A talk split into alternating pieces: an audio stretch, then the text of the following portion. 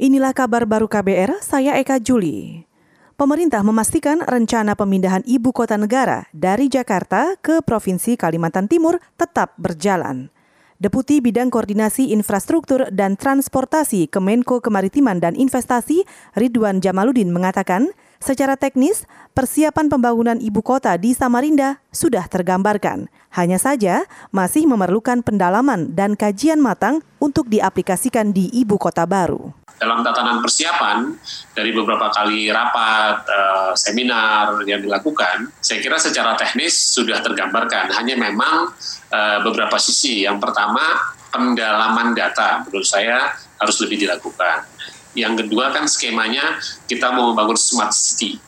Uh, smart city seperti apa sudah secara umum tergambarkan secara visual gitu ya, namun secara teknisnya sedang dimatangkan. Deputi Bidang Koordinasi Infrastruktur dan Transportasi Kemenko Kemaritiman dan Investasi Ridwan Jamaludin menambahkan, pematangan perencanaan tetap terus dilakukan dan keputusan pemerintah memindahkan ibu kota sudah solid.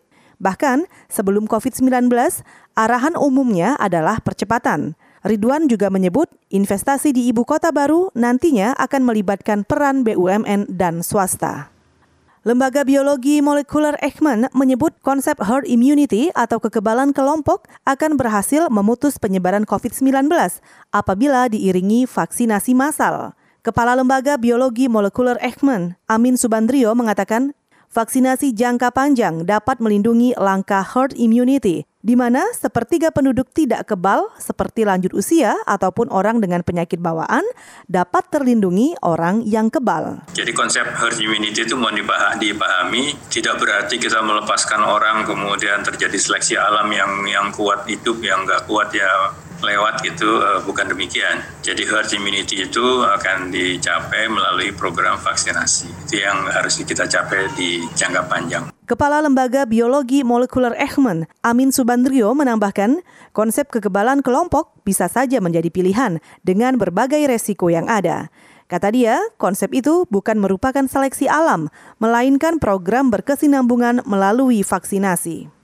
Sebelumnya, penerapan kenormalan baru memunculkan wacana penerapan kekebalan kelompok. Namun hal itu dibantah tim gugus tugas penanganan COVID-19. Kita ke mancanegara. Pemerintah Thailand menyatakan tidak ada penularan COVID-19 di dalam negeri selama 21 hari.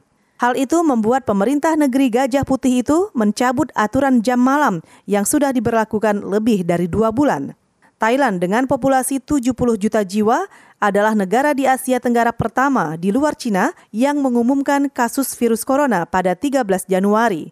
Thailand diklaim sukses mengendalikan pandemi. Data juga menyebut ada sekitar lebih dari 3.000 orang terpapar virus. Hampir 3.000 orang juga sembuh dan 60-an orang meninggal akibat COVID-19 di sana. Meski mencabut jam malam, Thailand tetap mewajibkan warga mengenakan masker. Saudara, demikian kabar baru. Saya Eka Juli.